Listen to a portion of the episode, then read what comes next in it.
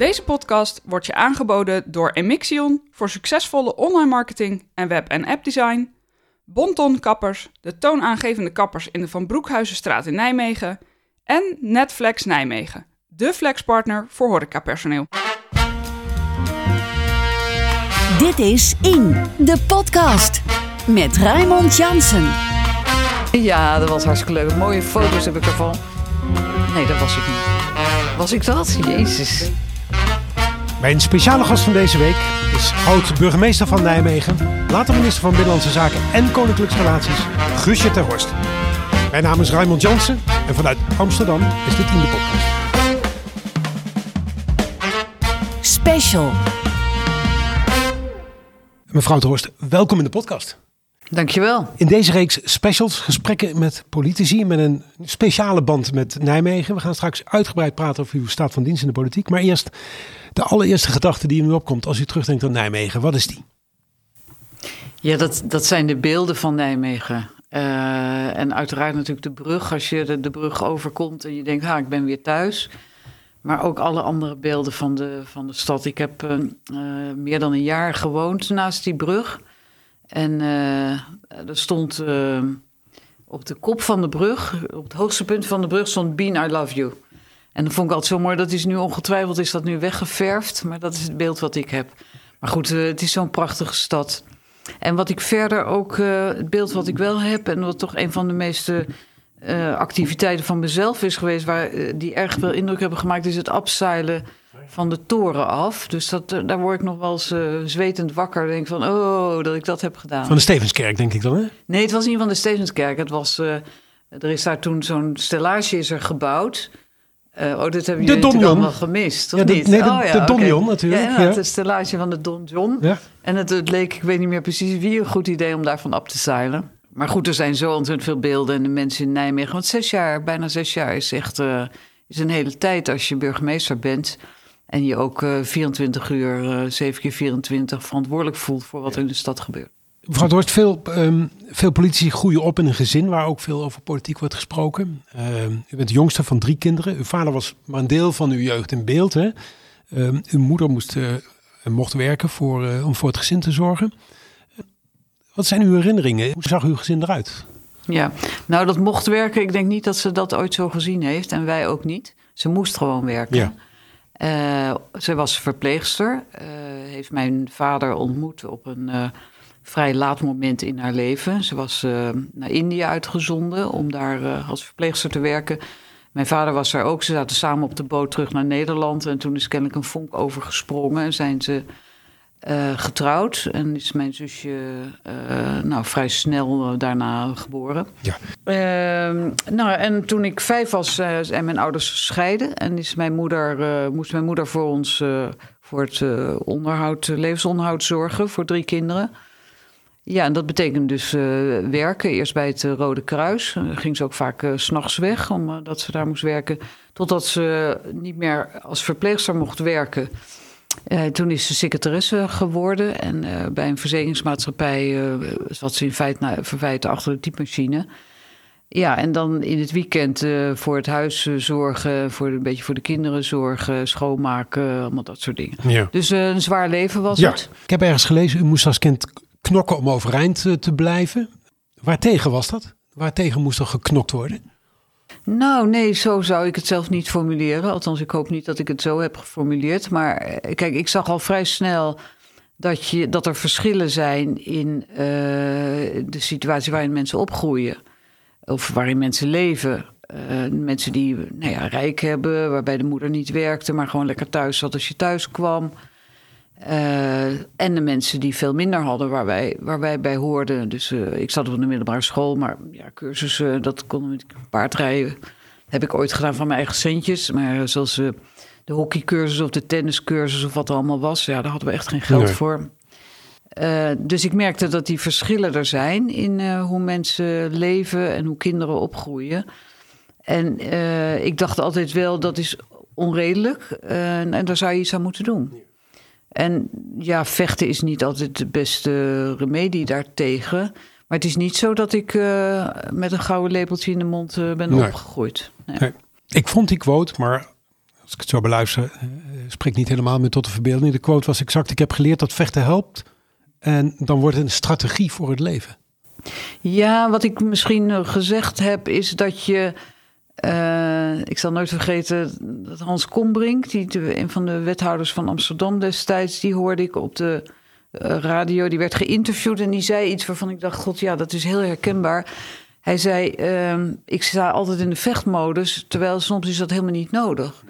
Dus dan vergeet je dat je het eigenlijk op een andere manier dingen voor elkaar kan krijgen. Dat is bij mij ook een beetje zo. Ik heb natuurlijk wel de neiging dat als de druk te groot is, om dan uh, in die uh, vechtmodus terecht te komen. Ja, en als je altijd het gevoel hebt dat je voor jezelf op moet komen, dat is het eigenlijk meer. Ja, dan leer je dat niet zo erg af. Ik merk ook dat als ik met andere mensen ben, dat die altijd veel beter in staat zijn ook om hulp van anderen te krijgen. Ik word nooit geholpen, want iedereen denkt, nou ja, Guusje kan het zelf wel. Ja. Dus dat is een beetje een beeld wat, wat van je ontstaat. Ja. Ik hoor je zojuist zeggen, geen gouden lepel. U had in ieder geval oog voor de ongelijkheid die er blijkbaar ontstond. Is dat Ja. een voedingsbodem geweest voor politieke activiteit? Ja, zeker. Ja, zeker.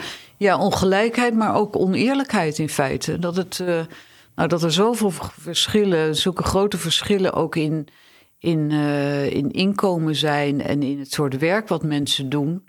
Eh, dat is voor mij wel een motivatie geweest later hoor, om in de politiek te gaan. Omdat die, nou ja, die ongelijkheid en die oneerlijkheid, die, zie je, die, ja, die blijf je natuurlijk altijd zien als je er een beetje oog voor hebt. Ja. En mijn inzet is altijd wel geweest om daar zoveel als mogelijk eh, een einde aan te maken, Ja. voor zover dat kan. De stap naar de sociaaldemocratie en naar de Partij van de Arbeid lag dan ook voor de hand? Nou, dat weet ik niet. Er werd inderdaad, eh, ik geloof dat mijn moeder VVD stemde. Dat is ook zo onbegrijpelijk. Mensen die dan, die dan zelf helemaal niet in, in de goede omstandigheden zijn en dan toch VVD stemmen. Ik heb dat echt nooit begrepen. Maar kennelijk was het idee om op eh sociaaldemocraten te stemmen. eh, lag ook bij haar niet erg voor de hand. Dat werd toch gewoon te, rood of zo gevonden. Maar er werd niet veel over politiek gesproken. En in mijn studententijd ben ik wel eh, actief geweest in een studentenvereniging. Niet de grote verenigingen. We hadden zelf iets opgericht bij de psychologen. Ehm, maar ook wel in, het, in wat ik heb gedaan, met name in mijn, toen ik bij tandheelkunde werkte. En het promotieonderzoek wat ik heb gedaan, dat ging over eh, mensen die nooit naar de tandarts gingen, maar die wel premie betaalden. En toen dacht ik, ja, wat is dat nou voor raars? Mensen betalen wel premie, krijgen daar niks voor terug. Nee. Dus daar moeten we iets aan doen. En ik vond ook dat de manier waarop mensen geïnformeerd werden door hun ziekenfonds over tandheelkunde echt onder de maat. Dus nou, dat soort dingen deed ik onderzoek naar. Mijn promotor noemde dat toen wel eens. eh, het mocht geen actieonderzoek heten, maar het was wel actief onderzoek. Nou ja, zoiets is het een beetje. Dus ook daar heb ik altijd geprobeerd om eh, ja, te bezien hoe je dingen die onrechtvaardig zijn, rechtvaardiger kan maken. En dat is ook de reden geweest, eigenlijk, die promotie om lid te worden van de Partij van de Arbeid. Dus geen lidmaatschap van een jongerenorganisatie en geleidelijk aan door naar de, grote mensenpartij, maar ehm, onder invloed van, ja, noem het maar dingen die, je- die je tegenkomt in het leven, zo'n lidmaatschap eh, gestart. Ja, zeker. En dan op het moment dat je lid wordt van een partij, is het heel. Want ik had er helemaal geen idee van of ik daar nou iets mee zou kunnen. Ik wilde iets doen op het gebied van de tandheelkunde natuurlijk. Want daar was ook Ja. grote on- oneerlijkheid. Omdat nu is dat anders. Hè? Nu heb je een basispakket wat voor iedereen er is. Maar toen was het zo dat als je geen geld had. eh, en eh, je was niet gesaneerd, heette dat. Dus je ging niet regelmatig naar de tandarts. Eh, en je had dan pijn in je kies, dan werd hij gewoon getrokken. Want ja, dat was, eh, dat was gratis. En als je een vulling moest hebben, dan moest je daarvoor betalen. Dus dat leidde, al, dat leidde tot grote verschillen in mondgezondheid. En inderdaad, als je dan lid wordt van een partij... en ik had geen idee wat ik daar nou verder mee, wilde. Ja, misschien wilde ik iets eh, op het gebied van de tandheelkunde rechtbreien. Ik heb geloof ik ooit nog een keer een toespraak... voor het congres van de Partij van de Arbeid eh, gehouden. En iets gezegd van, als u, zoals u hier zit... vertegenwoordiger bent van de Nederlandse bevolking, dan heeft eh, 30% van u een kunstgebied. Ik denk dat die, die mensen zullen wel gedacht hebben van wat, wat is dit voor, voor raar iemand. Maar in ieder geval, maar je bent dan als je lid wordt erg afhankelijk, dat wilde ik zeggen, van mensen die iets in je zien. En op een nieuwe ledenavond zei iemand, god, dan moet je niet actief worden. En nou ja, als je dan eh, drie zinnen zonder stotteren tot een goed einde brengt, dan eh, wordt al snel gedacht dat je wel geschikt bent. Dus toen ben ik lid geworden van een afdeling en voorzitter geworden van die afdeling. En toen ik denk na een jaar of twee zei iemand, god moet jij niet in de gemeenteraad? En uh, toen dacht ik gemeenteraad, nou interessant gemeenteraad. Nou, ik stond 21 Ja. of zoiets. En toen had de Partij van de Arbeid in Amsterdam had een gigantisch grote fractie. Dus tot mijn stomme verbazing kwam ik daarin. En eh, wat misschien wel aardig is om te vertellen. Ik, eh, ik was natuurlijk nog wel bezig met die tandheelkunde. En ik werkte gewoon nog bij tandheelkunde. En eh, de Nederlandse Vereniging voor die zei tegen mij... God, het zou zo goed zijn als wij van de gemeente Amsterdam subsidie zouden krijgen. Dus ik naar de wethouder zorg. Ik zeg, god, eh, Ada, Ada Wildekamp... eh, die Nederlandse Vereniging voor die zou dat wel goed kunnen gebruiken om Ja. een subsidie te krijgen. En toen zei Ada, dat past niet in het beleid. Nou, ik was stom verbaasd, want ik wist helemaal niet wat dat betekende. Om even aan te geven, ik wist niets van politiek, Nee. ik wist niets van besturen. Maar goed, eh, door de jaren heen komt dat dan wel goed. Ik grijp even terug, want u zegt, eh, u kon een zin eh, uitspreken zonder te stotteren. En dat was blijkbaar voldoende reden om actief te worden in die politiek.